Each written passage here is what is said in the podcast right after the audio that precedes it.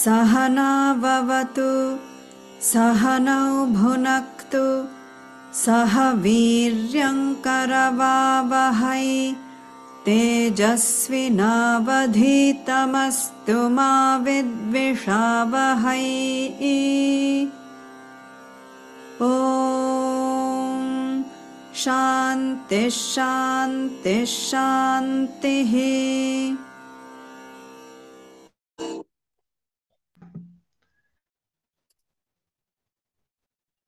Nechtě naše učení plné světla. Jak, jak, můžeš to ještě vrátit, Radku? Na dívání jenom, že to je hezký Honzův překlad. Tak já ho jednou přečtu, abychom si připomněli úvodní mantru. Tak, tak. Nechť jsme oba všichni ochraňováni, nechtě nám dopřáno síly a energie, nechť nás vede společná moudrost a poznání. Nechtě naše učení plné světla, které prozáří naše životy. Nechť mezi námi vládne vzájemné porozumění a harmonie. Vítejte a předávám slovo mému příteli v červeném trikotu. Jsi ty. Co tričko? Vzhledem k tomu, že máme novou sestavu, tak začneme jenom zlehka, proč vlastně probíráme ty hodnoty. A řekli jsme si, už nebudu opakovat to individuální hledisko, který je každému jasný, ale ještě bych zdůraznil znova to skupinové hledisko nebo společenské hledisko, protože to uh, přispívá, respektive to, když uh, členové stejné společnosti sdílejí stejné nebo podobné hodnoty, tak to prospívá společenské harmonii. To znamená, že ty lidi mohou žít spolu v harmonii a ta společnost se rozvíjí. Naopak, když eh, nezdílejí stejné hodnoty, tak můžou tak maximálně žít vedle sebe, ale ne společně. A ta společnost se těžko může rozvíjet, což dá, nechci, nechci uh, pokračovat, ale určitě nám to, co si napovídá. Pak bych ještě zmínil jednu věc ohledně uh, těch hodnot, kterou jsme ještě úplně neprobírali. A pokud jdeme proti těm hodnotám, zejména proti těm univerzálním ze všech těch nejuniverzálnějších, tak eh, s největší pravděpodobností, ona, tam jsou různé nuance sice, ale s největší pravděpodobností získáme něco, co nechceme a co nazýváme pápám, neboli špatnou karmu. A, a to nechceme. Chceme spíš získávat dobrou karmu.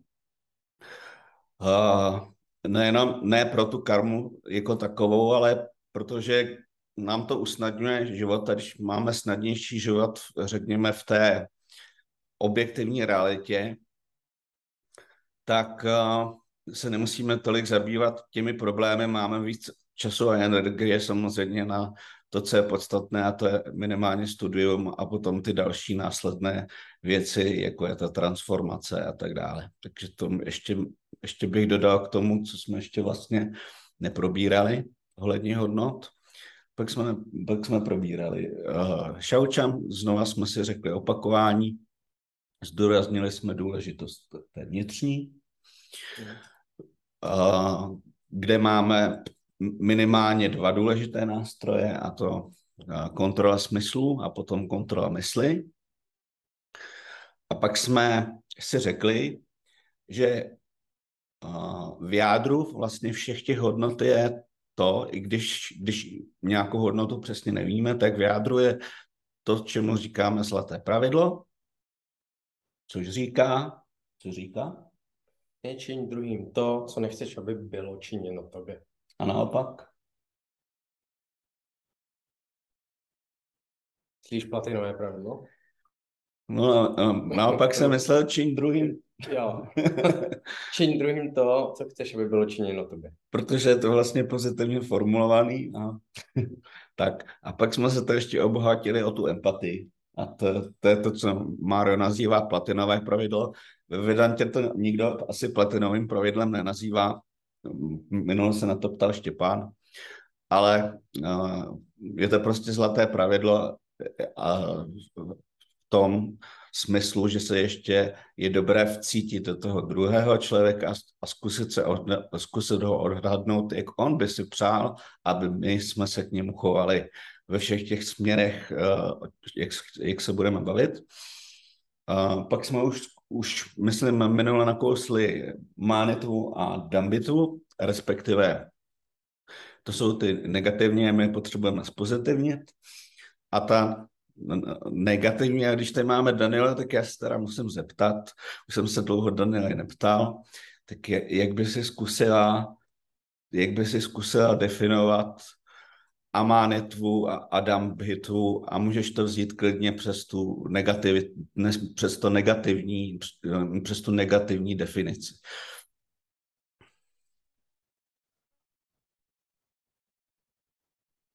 Tak eh, co si pamatuji, tak manitva je mm, potřeba lidí uh, respektu a úcty od, od, od ostatních, která vlastně vychází z nějakého komplexu nadřazenosti uh, vůči ostatním. Um, to znamená, mám nějaké schopnosti, nějaké talenty a vyžaduji potvrzení od ostatních, že, uh, že jsem že to tak je, že jsem ten jedinečný nejlepší.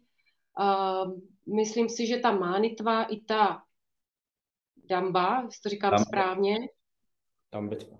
Dambitva, no. Dam, jo, dambitva, tak vlastně vychází z nějakého, nějakých pochybností, nějakého jakoby nepřijetí vnitřního svého uh, a zároveň vlastně může vycházet i z toho, že si člověk myslí, že je ten, který koná a, a víceméně i zodpovědný uh, za věci, který uh, třeba dělal se svým kolektivem, uh, nebo i za výsledky toho, co činí a co koná.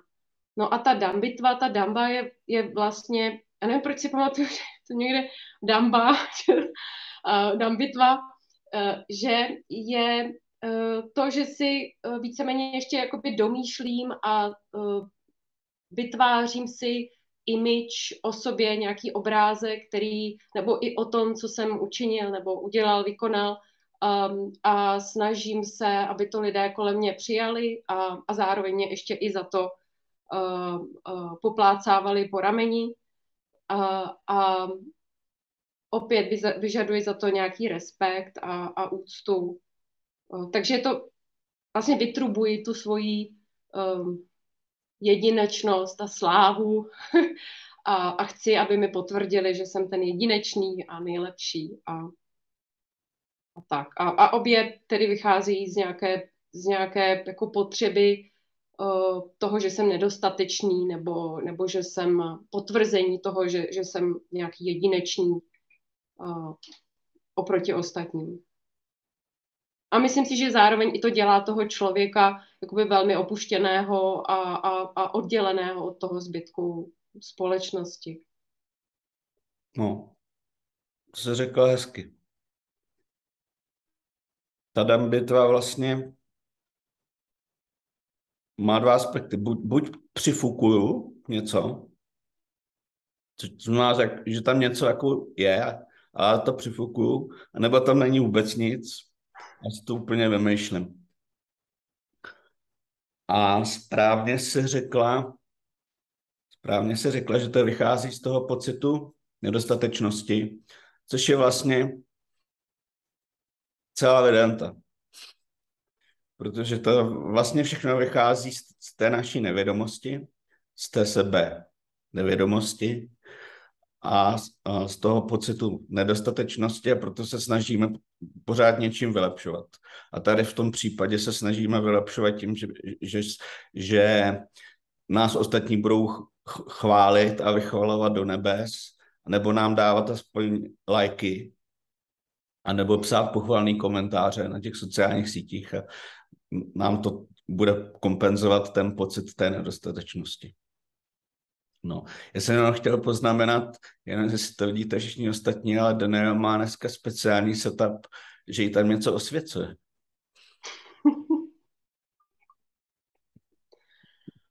No, no, totiž tady zarůstáme stromem a to je poslední kousek světla, který mi zůstává. Jste dělali v minulosti paralely toho světla a toho zbytku, takže i když nebudu vidět, tak to světlo pořád tady je. No, dneska ti něco osvěcuje. A kolik ještě máme, tak ještě zkusíme, co jsme uh, minule už nestihli. Jedeme tak pomalu takový opáčko, láže, láže, pláž, pláže opakování, prázdninový, protože se ukazuje, že to je dobrý. Uh, máme tam Moniku, viď? Moniko, ty to zvládneš, já ti věřím. Uh, ahimsu, to zvládneš.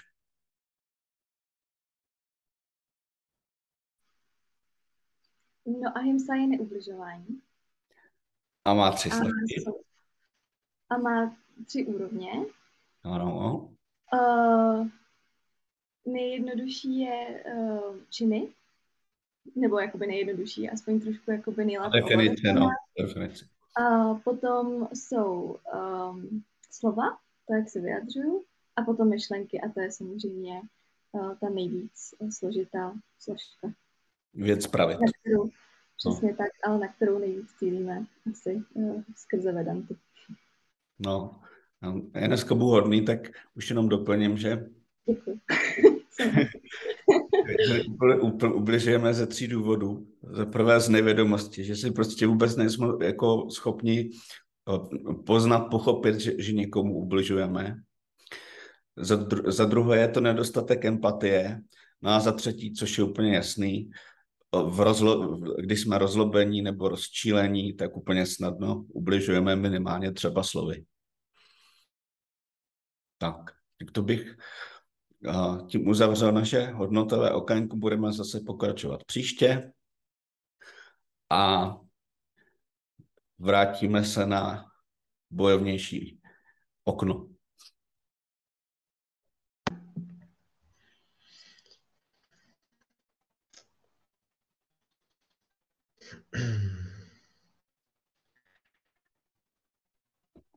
Tak jenom než nám Radek pustí za chviličku pár klíčových eh, veršů, které jsme již probrali, tak nám všem připomenu, že se nacházíme v kapitole druhé Bhagavad Gita, která se nazývá Sankhya Yoga, chcete-li také yoga moudrosti. A jsme nyní již v té fázi, kdy Arjuna, po té, co sám eh, nedokázal najít řešení své situace, protože trpěl těmi třemi rága, šoka, moha, byl paralizován v rozhodujícím momentu, už nevěděl kudy kam, tak poté, co se vymluvil a poté, co to Kršna vydržel, poslouchat mu celou jednu kapitolu a další deset veršů, tak se mu Arjuna odevzdal a Kršna začal svoje povídání jedenáctým veršem. A já poprosím Radka, aby nám poslední 4-5 veršů ještě jednou pustil. Já vám je přečtu česky, případně doplním maličkatý komentář, a abyste měli kontext a navážu. Shri Bhagavan अशोच्यानन्वशोचस्त्वम् प्रज्ञावादांश्च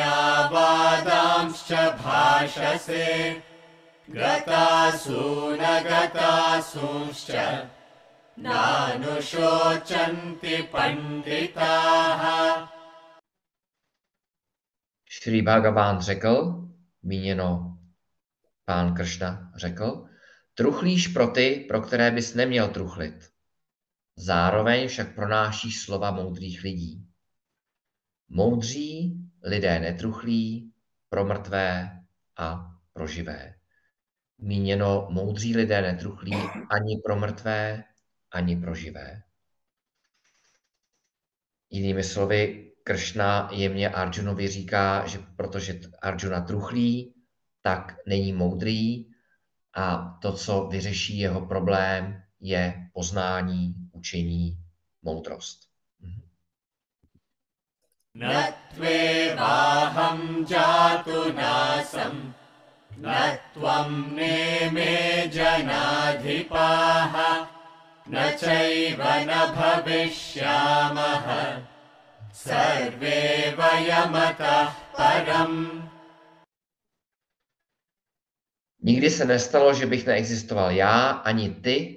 nebo ti to králové. A nikdo z nás nepřestane existovat ani v budoucnu.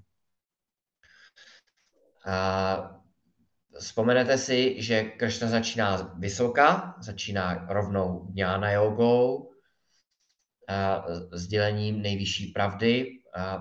Ve verších 12 až 25 popisuje Atma, a v tomto verši říká, že Atma je nitya, mohli bychom říct, že je věčné, možná, že je lépe si říct, že stojí mimo čas.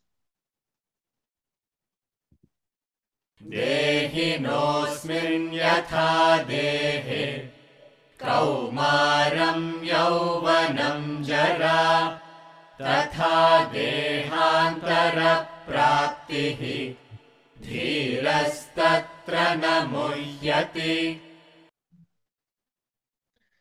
Stejně jako já, které je v tomto těle, prochází dětstvím, mládím a stářím, tak přirozeně přijde získání jiného těla po smrti.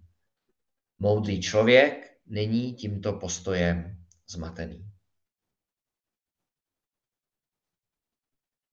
Můžeš, Radku. Matra spešastu kaunteya शीतोष्णसुखदुःखदाः आगमापायिनो नित्याः तां स्थितिक्षस्व Bharat O Arjuno smyslové zážitky, které vznikají z kontaktu smyslů s objekty a přinášejí chlad, teplo, potěšení a bolest, jsou přechodné. Přicházejí a odcházejí. Jsou nestálé, snášej je o Arjuno.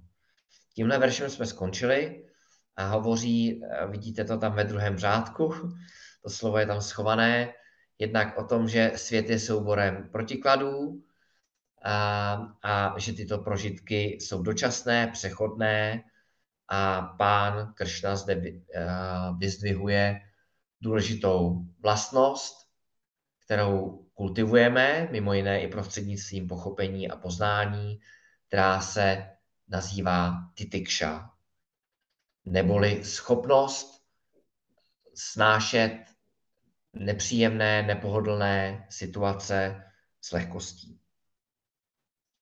Radku, děkuju. Takže tady jsme zhruba skončili a, a, a jenom z hlediska struktury, a, teď se nacházíme v té části, která se nazývá Jnana yoga, nebo v kontextu této kapitoly Sankhya yoga. A, a Kršna na Arjunovu otázku, kterou jsme si dneska nepromítli, přistupuje. Všechno v pořádku, Radku? V pořádku, v pořádku. Přistupuje ve třech úrovních. Momentálně se nacházíme v té rovině filozofické, nejjemnější, kdy Kršna hovoří o podstatě átma, o naší pravé podstatě, o tvojí pravé podstatě, Moniko, Radku, Danielo, Honzo a dalších. A, a říká mimo jiné, že i v kontextu toho, že se nachází Arjuna na bojišti, že Atma je akarta. Karta je jednající a karta je, uh, tam je ta záporná částice A, pardon, předpona, takže Atma je akarta, to znamená, že nejedná, nekoná. Proto, Arjuno, ve skutečnosti nemůžeš nikoho zabít ani zranit. A podobně i Bíšma a Drona, tvoji učitelé, kteří stojí na druhé straně, jejich pravá postata je stejná jako tvoje ve skutečnosti jste jedno, jste átma a to znamená, že je ve skutečnosti nemůžeš zabít. Můžeme si pro připomenutí zmínit možná dva příklady, oba, oba znáte a stojí za to se k ním vracet, protože ta myšlenka není v naší každodennosti tak samozřejmá. Například, když se podíváte na vlnu nebo na vlny na moři, tak samozřejmě z pohledu vlny, vlna kde si vznikla, nějakou dobu je a pak se tříští, zaniká, respektive je možná pohlcená jinou vlnou. Z pohledu vody nic nevzniká, voda se nerodí ani nezaniká.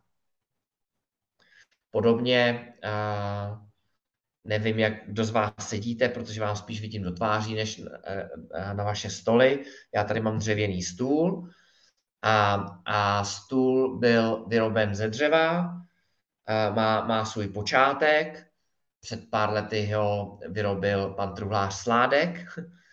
A, a po pár letech, spíš, spíše desítkách let, už to nebude stůl, ale ta jeho podstata, dřevo, zůstává, i když bude na kousíčky.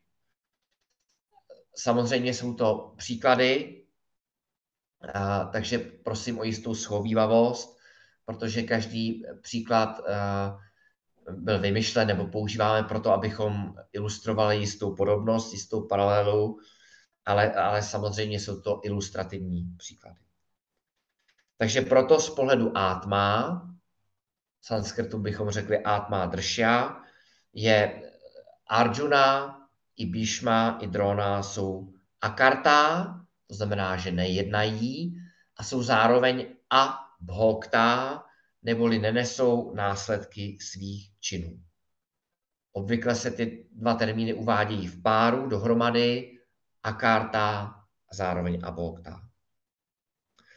A v tom eh, verši 12 nám eh, Kršna ukázal, že Atma je věčné, že bylo v minulosti, je v přítomnosti, bude v budoucnosti. Dokonce bylo ještě před minulostí a bude po budoucnosti. A oproti tomu, a to je pro nás jako pro studenty Vedanty důležité, je dobré si uvědomit, že všecko ostatní, zejména všecko, co jsme schopni vnímat, neboli anátma, je předmětem neustálé konstantní změny. To znamená, že i naše tělo, a naše mysl a intelekt, chcete-li naše jemné tělo, je pomíjivé. A, a proto a, žádné léky, lektvary či jiná řešení na nesmrtelnost nemohou fungovat. Život je možná možné si někdy prodloužit. A Vedanta by řekla, dokud trvá prarabdha, ale to, co se zrodí, musí zemřít. Honzo? Vypadáš nadechnutě. Jo. Já jsem chtěl říct život těla. Prosím? Že jsem jenom chtěl upřesnit život těla. Život těla, ano. Nebo můžeme, dál. můžeme říct život jedince. Ano. Ale to átma uh, vlastně ani nežije, protože se nikdy nenarodil a nikdy neumře. Takže ono, ono, je, ono vlastně pořád existuje, takhle by se to dalo říct. No. Atma je. Atma prostě je. Mm-hmm.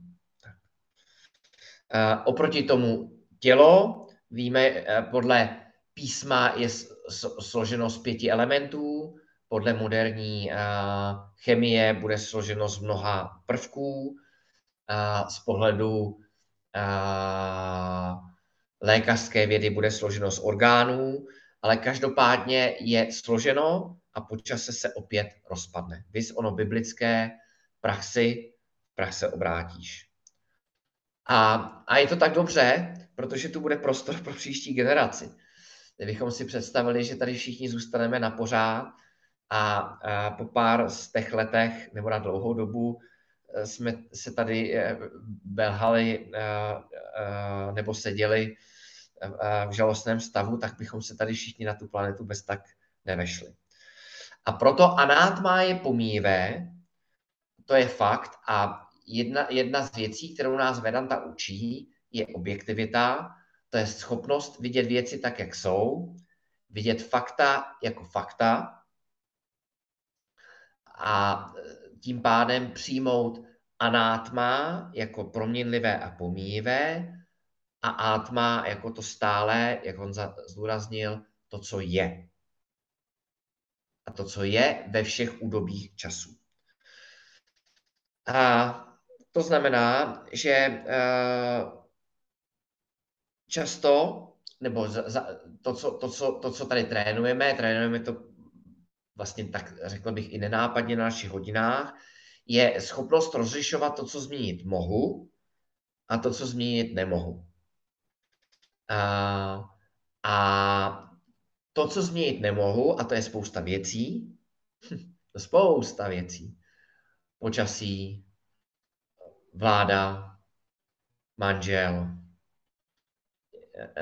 nálada eh, dcery, která právě přišla ze školy, svoje rodiče a další a další věci, tak mnoho věcí změnit nemohu, dopravní zácpa, ceny elektrické energie a tak dále a tak dále.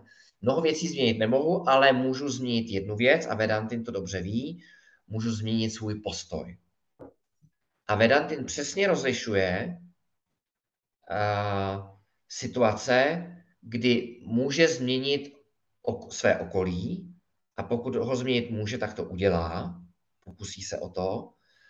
A situace, kdy své okolí změnit nemůže a potom změní svůj postoj. A tahle ta schopnost, zejména ten aspekt snášet ty věci, které jsou na první pohled nepohodlné nebo nepříjemné, se nazývá titikša. A takový člověk se v tom verši, který jsme probírali, nazývá dhíra nebo dhíraha. A to je člověk, který, kterého ten měnící svět, který to chápe, a kterého ten měnící svět kolem nerozčiluje. Takže když růže rozkvete, tak se s ní raduje a když uvadá, tak si nezoufá taková škoda, růže už je pryč, už uvadl. A, a, a je to důležité, protože taková mysl je klidná a je připravená na Vedantu. Člověk, který je, a Honza to zmínil trošičku jinak v kontextu hodnot, člověk, který neustále si dělá obavy z budoucnosti, rozčuluje se nad některými těmi věcmi, které jsem zmiňoval a nad řadou dalších, tak na studium Vedanty není připraven. Uh, není připraven se soustředit, a není schopen absorbovat zejména ty jemnější věci a není schopen si to ani pamatovat. Uh, možná je, je dobrá paralela uh, také která, kterou někdy učitelé používají. Používají jak s vámi Partasaráty, tak s vámi Paramartananda je příklad tlumiče v autě. Cesty budou vždycky plné děr, anglicky potholes, a, a všelijakých uh, uh, kanálů a nepevností. A asi, asi za našeho života v České republice nebudou hladké všechny cesty a silnice, ale to, co můžeme mít, je mít dobré tlumiče v autě. Podobně uh, Vedantin ví, že je mnohem produktivnější a perspektivnější pracovat na vlastním pochopení, na vlastní osobnosti a chápe, mimochodem, a to je něco, co já jsem dlouho dobu nechápal, tak snad vám to trošku zkrátím, že naše mysl bude vždycky reagovat na okolní svět. Ale může reagovat méně, může, může se stát ovladatelná, může reagovat s menší intenzitou, méně často a když už zareaguje, tak se vrátí do klidného stavu mnohem rychleji. Takže v takovém člověk, člověku třeba na, i na okamžik se objeví cosi jako závan hněvu, ale po chviličce se opět, opět zpamatuje. U průměrného člověka v takové situaci potrvá pár hodin a u někoho přetrvá třeba dny a týdny. Takže ty tykša, a tím jsme minule skončili, neznamená žádná reakce, ale schopnost velmi bezpečně, snadno ovládat vlastní emoce. A tuším, že ten verš končil tím, že takový člověk je kvalifikován k tomu, aby dosáhl nesmrtelnosti. Je potřeba číst mezi řádky, tím si zase brousíme náš intelekt. A sice, před chvilkou jsem řekl, že eh, fyzické tělo nebude nikdy nesmrtelné a átma se také nestane nesmrtelné, protože, jak poukázal Honza, átma je. To znamená, že není zrozené tak, jak si to běžně představujeme. To znamená, že nemá, nemá počátek a tudíž nemá ani konec. A teď nám Radek pustí klíčový verš dnešního dne, a to je verš 16, který si... Minutu 15.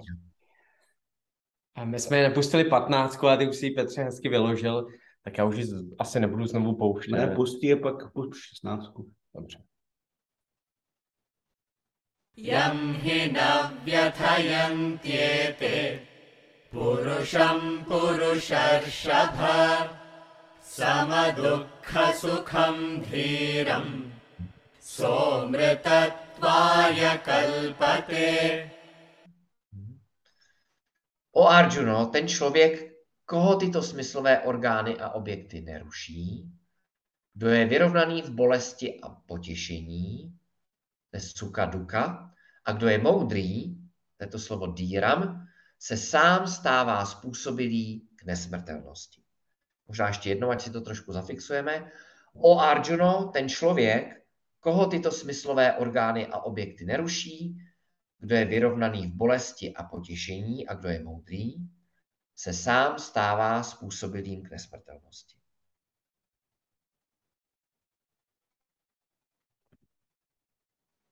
नासतो विद्यते भावः नाभावो विद्यते सतः उभयोरपि दृष्टोऽन्तः त्वनयोस्तत्त्वदर्शिभिः Neskutečné neexistuje. Pro skutečné neexistuje neexistence. Pravdu o obojím v skutku znají ti, co vidí pravdu. To je jasný, ne? a, proto lidé ze západu, kteří neměli tu možnost studovat védy pod vedením gurua, zkušeného učitele, tak to komentovali tak, že to je žvatlání z raných dob lidstva z dávných dob. Ještě jednou a zkusíme si to rozklíčovat. Neskutečné neexistuje, pro skutečné neexistuje neexistence. Pravdu o obojím v skutku znají ti, co vidí pravdu. Jo. Tak jdeme na to. Tento verš je zásadní verš a pokud ho pochopíme, tak už ne, nepotřebujeme v zásadě nic moc dalšího chápat. Ten verš v zásadě říká, že atma, neboli pravé já, moje pravá podstata, vědomí, bytí, existence, je satya. Slovo satya, psáno s Y a případně z H na konci satyaha, znamená česky bychom řekli, jako něco, co má samostatnou existenci. Doslovně to znamená pravda. A anátma je mytia. Slovo mytia eh, překládáme jako něco, co neexistuje, co se jenom zdá. Je to mytia. To znamená, ten verš v zásadě říká, že átma je skutečné, A anátma, to je to všecko, co vnímáme kolem sebe, je neskutečné. Neboli také bychom mohli říci zdánlivě skutečné. To znamená, teď vám neříkám, abychom začali ignorovat to, co vidíme, cítíme, že, že nám je zima horko nebo že máme hlad. Je, anátma je zdánlivě skutečné. To znamená, že átma existuje samo o sobě. Řekneme si za chvilku příklady. Myslím, perfektní příklady. Když to anátma má propůjčenou, nebo také někdy říkáme závislou existenci. Zkrátka, anátma nemůže existovat bez átma. Uh, možná si vzpomenete, říkal jsem vám příklad ohně, a sice, že uh, pravá povaha ohně, jeho svarupa, je, že je vždycky horký. A pak jsem ještě uváděl příklad cukru, že jeho pravá povaha, podstata je, že je vždycky sladký. To znamená, že každý objekt na tomto světě, každý objekt kolem nás, má svoji skutečnou vnitřní povahu, podstatu, kterou má pořád, za všech okolností o kterou nikdy nemůže přijít. A to je takzvaná svarupa, nebo svarupam, anglicky intrinsic, to slovo možná vám pomůže, má intrinsic nature, svoji pravou vnitřní podstatu a ta přetrvává pořád. A pak má nějaké dočasné atributy, dočasné vlastnosti, které se mění. A anglicky bychom řekli incidental nature. Dočasně propůjčené vlastnosti. A s vámi Paramartananda k tomu říká krásný příklad. Představte si, možná ještě líp si to představíme teď v létě, kdybychom někde tábořili, rozdělali si oheň, vzali si kotlík, do něj nalili vodu a do té vody dali nějakou zeleninu a rozhodli si, že si uvaříme pořádnou zalesáckou polévku. Takže máme oheň, kotlík, vodu a zeleninu a zapálíme oheň, zažehneme oheň a začne se nám ohřívat nejprve kotlík. Pak se nám začne ohřívat. Já to záměrně vysvětluji důkladně, abyste si to pamatovali. Ohřívat voda, pak se začne ohřívat zelenina. Tušíte, doufám, že kotlík má propůjčené teplo od ohně, který ho zahřívá. Voda eh, má opět propůjčené teplo od ohně prostřednictvím toho kotlíku. A konečně zelenina, opět pokud ji uvaříme, pokud se nám to podaří, tak eh, je uvařená díky tomu, že má propůjčené teplo. Ovšem, určitě si uvědomujete, že eh, to teplo kotlíku, vody a ohně, pardon, zeleniny, určitě byste mě zastavili, je vypůjčené, je dočasné. To znamená, že dříve nebo později skončí. Naštěstí, jinak bychom tu polívku teda nemohli sníst, protože bychom se spálili. Jo. A, takže vracím se k tomu, že skutečná povaha věci je trvalá po, po celou dobu existence toho objektu. To znamená, oheň je žhavý, protože je to jeho pravá podstata. Pravá podstata ohně. Ale kotlík je žhavý, protože převzal žár od ohně. Kotlík sám o sobě není žhavý. Což zjistíme tehdy, když máme mokrý dřevo a nedaří se nám oheň zapálit a nejsme schopni uvařit polívku. Tak, z toho vyplývá, důležitá věc, že všechny objekty kolem nás mají, protože mají omezenou životnost. Všechno má omezenou životnost. I stůl, i židle, na který sedíte, i počítač, na který se díváte, i sluchátka, přes který možná někdo někdy z vás bude poslouchat záznam. Všecko má dočasnou existenci.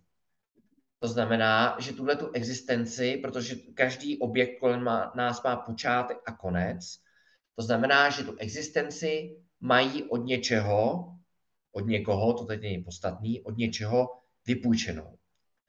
To znamená, že všechno kolem nás je mytia v tom smyslu, že všechno kolem nás má vypůjčenou existenci. Vypůjčenou, tím míním to, že ta existence je i časově omezená.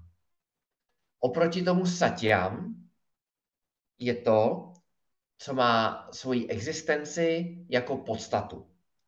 Proto říkáme, že átma, vědomí, já, uvnitř, je. Řeknu vám ještě, ještě jeden příklad, pak se vrátíme zpátky k verši a pak třeba na, se můžeme u toho zastavit, nebo Honza doplní. A trošku kratší, příklad velmi dobrý. A myslím si, že oba dva mají význam, jak, jak oheň a hrnec a voda a zelenina, tak tenhle ten následující je překlad hlíny a hrnce, případně jílu a hrnce. Já budu říkat hlína a hrnec.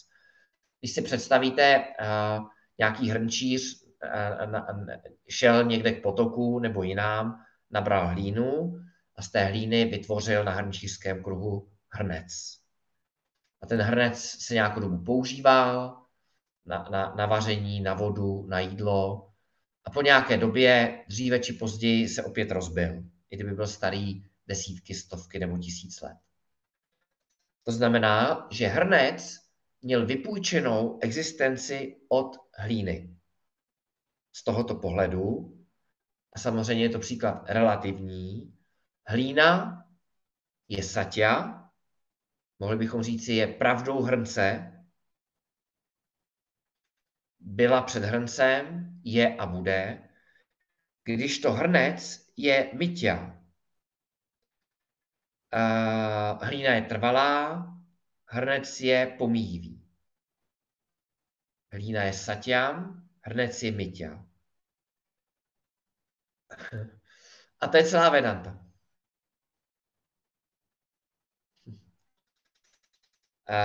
Atma je satyam, anátma je mitya. Takže když se znova podíváme na ten verš, jestli nám ho Radku promítneš, tě tak dám slovo Honzo? Vidím, že se těšíš. Jestli se nám to podaří, tak. Tak, takže první řádek říká, že neskutečné neexistuje, to znamená, že nemá nezávislou existenci. A naopak, to skutečné, neboli atma, pro skutečné neexistuje neexistence. To znamená, že má nezávislou existenci, že existuje po všechen čas. A třetí řádek, když vezmu od konce, od konce ty tatva darši, to jsou ti, co vidí pravdu vidí ve smyslu, že ji chápou. Slovo vidět znamená rozumět, chápat. Tak ti, co chápou, ti, co vidí pravdu, ti, co vidí věci tak, jak jsou, tak chápou pravdu o obojí. To znamená, že moudří lidé chápou pravdu o átma a anátma, o satyam a o mitya. To znamená, že ten moudrý člověk, tatva darší, když zachází s hrncem, tak má neustále na paměti, že hrnec je ve skutečnosti mytia a kdykoliv se může rozbít. Podobně pro takového člověka celý svět je hrnec. Jeho tělo je hrnec. To nej, Víme možná někteří až příliš dobře, že jedna z nejkřehčích věcí na tomto světě je naše tělo. To, co je někdy ještě křehčí, je naše, naše mysl, naše emoce. To znamená, že takový člověk, který vidí pravdu, který zná pravdu o obojím, chápe povahu anátma, chápe povahu átma, ví, že anátma se neustále mění tak si nikdy nestěžuje, protože ví, že anátma se mění. A podobně naše mysl, protože je anátma, tak se neustále mění a stejně tak se mění i mysl všech lidí kolem mě. A takový člověk například chápe, z hloubky chápe, že například někdo, kdo mě mohl milovat,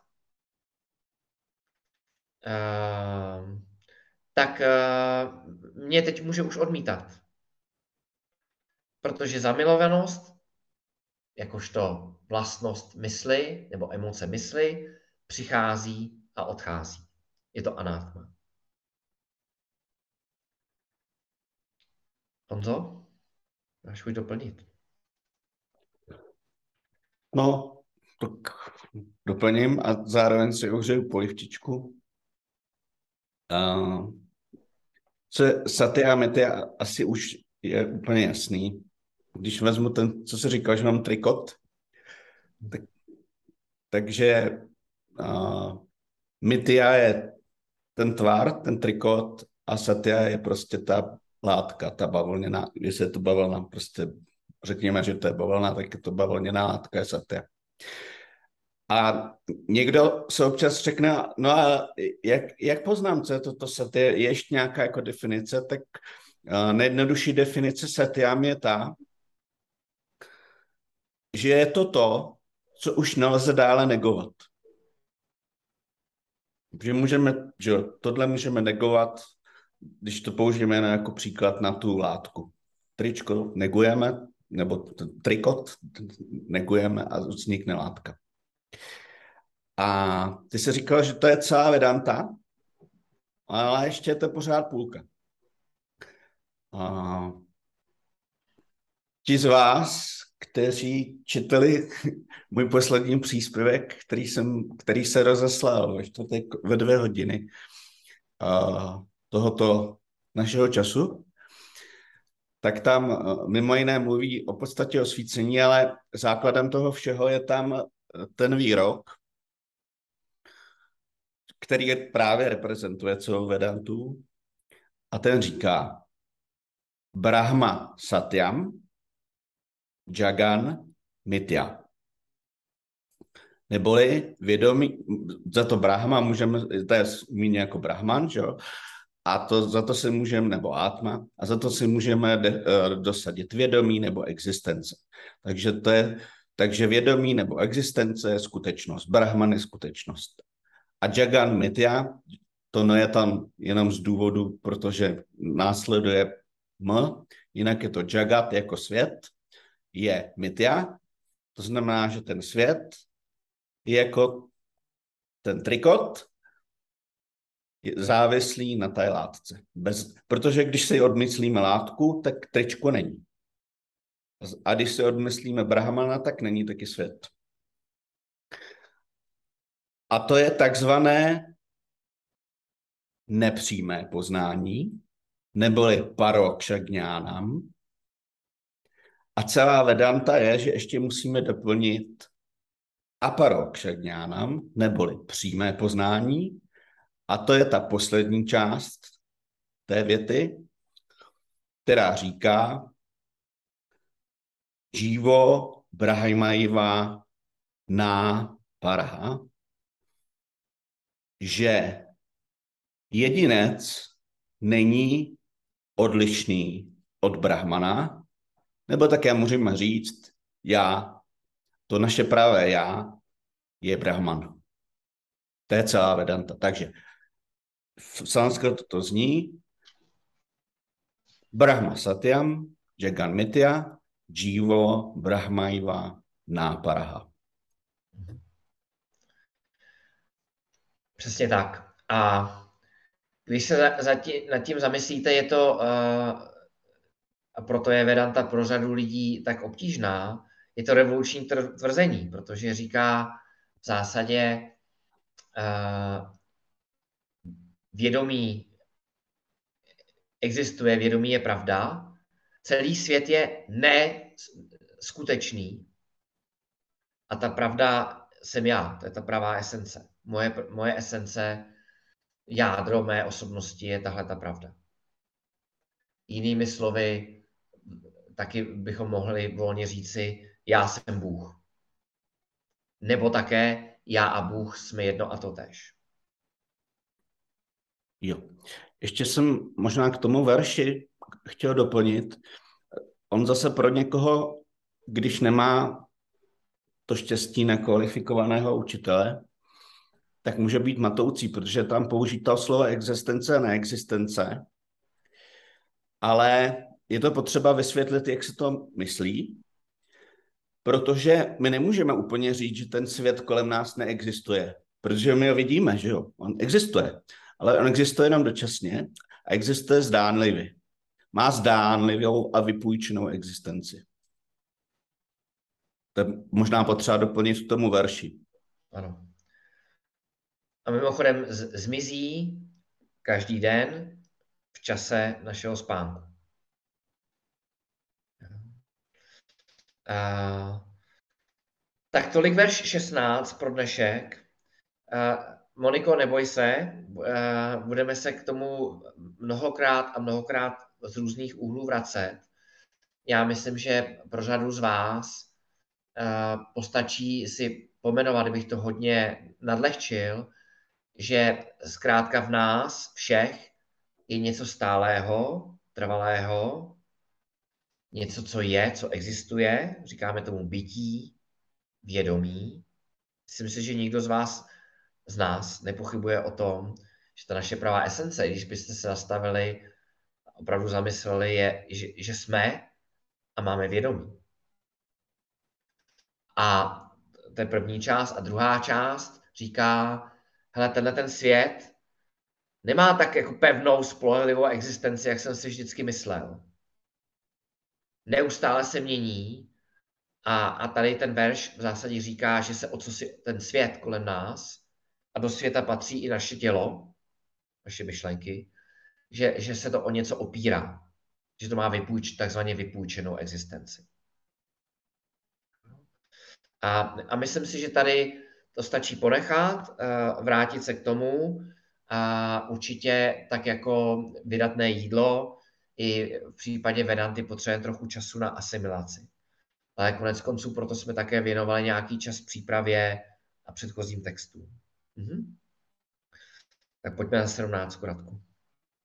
अविनाशितु तद्विद्धि येन सर्वमिदं ततम् विनाशमव्ययस्यास्य न कश्चित् कर्तुमर्हति Věz, že toto átma jež tím vším prostupuje, je nepomíjivé. Nikdo nemůže způsobit zničení tohoto nezmenšitelného. Klidně tam chvíličku uh, nech. Uh, všimněte si v té první větě, uh, Kršna opakuje, že átma je nitya, uh, neboli věčné, neboli nepomíjivé. To, co, to, co nepomine, neskončí. A místo, aby doslova řekl, že átma je věčné, tak taky říká, Honzo, ty tady máš slovo nezmenšitelné, určitě to vysvětlíš. Já jsem zvyklý spíš na překlady indestructible, nezničitelné, nezničitelné, nepo, nepomíjivé. Máš nějaký důvod, proč používáš slovo nezmenšitelné? To mě původně, ale ono to odpovídá víc tomu sanskrskému uh, znění, nezmenšitelné. A jde o to, že uh, je, jak, je, jak je půrné, jak je plné, nebo když to připodobníme třeba k tomu oceánu obrovskému, tak uh, z něj nelze něco odebrat, respektive můžu něco odebrat, jako by něco z toho oceánu třeba odteče, ale ten oceán je furt plný. Mm-hmm. Takže to je ten význam toho slova nezmenšitelného. Mm-hmm. Okay. Nezmenšitelného ve smyslu, že uh, na něj vlastně nic nemůže. Ano, ano. Nic ho nemůže umenšit. Takhle by se to možná dalo říct. Jo, to, to, ta jeho plnost, ta jeho plnost existuje a bude existovat vždy. Proto je nezmenšitelné. Proto je to možná trošku nezvyklý, nezvyklejší překlad, uh, ale je záměrně, aby byl uh, odpovídající tomu sanskrtu. Mhm. Čili pro nás je důležitý uh, to chápat tak, že átma, to pravé já v nás, to bytí vědomí, nemůže nikdo a nic zničit. Žádná nemoc, žádná zbraň, žádná bomba, ani bohové, nikdo. Uh, Přesně tak. Asi... I když tady prostě nastane celosvětová atomová válka, ne, že bych něco převolával, chraň Bůh, a celá planeta by byla zničená, tak se stejně vlastně z, z pohledu átma a brahmana a vědomí a existence a pravdy a jak tomu budeme říkat, nic neděje. Ano. Bytí tady stále bude. A v kontextu uh, situace, kde se nachází Kršna s Arjunou, tím Kršna Arjunovi říká, hele, eh, Bhishma je ve skutečnosti átma, Drona je átma a tohleto átma nemůžeš zabít. A zároveň tady Kršna přidává další aspekt, a to je uh, ten aspekt vše prostupnosti, uh, jež tím vším prostupuje. To znamená, že átma není jenom věčné, mimo čas, ale je i vše prostupující. Jako, mohli bychom říct si jako prostor, ale přesně bychom řekli, že prostor je v átma. To znamená, proto používáme slovo, které jste určitě už slyšeli, to je to sarvagata, vše prostupující, všudy přítomné. A logicky, když se na tím zamyslíte, když je něco vše prostupující, je to úplně všude, tak kolik toho může být, kolik kusů, jenom jeden, jenom jedno. Čili átma je jednak nezničitelné, nezmenšitelné, zároveň je vše, vše prostupující a je jenom jedno jediné. Proto, proto také já jsem se toho několikrát dotknul, nejsem si jistý, jestli to postřehli. Občas říkáme s, s jistou nadsázkou a zároveň doslova, že atma je ve skutečnosti, ve skutečnosti v srdci z každého z nás. Protože je vše prostupující a zároveň je jedno. A to je, to je uh, proto někdy říkáme, že ten člověk, který vidí, který má to oko moudrosti, dňána čakšu, tak vidí tu jednotu, vidí sebe, sebe sama v každém člověku, v každé bytosti, všude kolem sebe. A když si to představíte na chviličku, tak pokud vidím v každém sebe sama, tak z toho například logicky vyplývá, to je ten, eh, ta jednota, identifikace, láska a neschopnost takovému člověku uh, ublížit. Proto v Indii ten pozdrav namaskára, uh, sepjaté ruce po prostrace, kdy, kdy nezdravím toho člověka z, ma, z masa a kostí, ale ve skutečnosti Eh, ne to jeho tělo, ale uctívám to átma, které je jedno jediné, v každém z nás to jedno a stejné. To znamená, že naše podstata je jedna a tatáž. Proto mě trklo, mimochodem, když uh, uh, Pavel Smutný v nějakém kontextu, kdy si citoval svatou Ludmilu, která prohlásila, jsme titíž, což je česky krásně zní. Uh, jsme titíž. Takže už víme, že átma je nitya, věčné, satya, pravda, bytí, má nezávislou existenci, sarvagata, vše prostupující, všudy přítomné, a taky jedno jediné, EK, EKH, viď asi Honzo, E EKH. Hario, Honzo, máš možnost něco dodat, případně kdokoliv se něco zeptat nebo dodat. Ne, ne, nechci.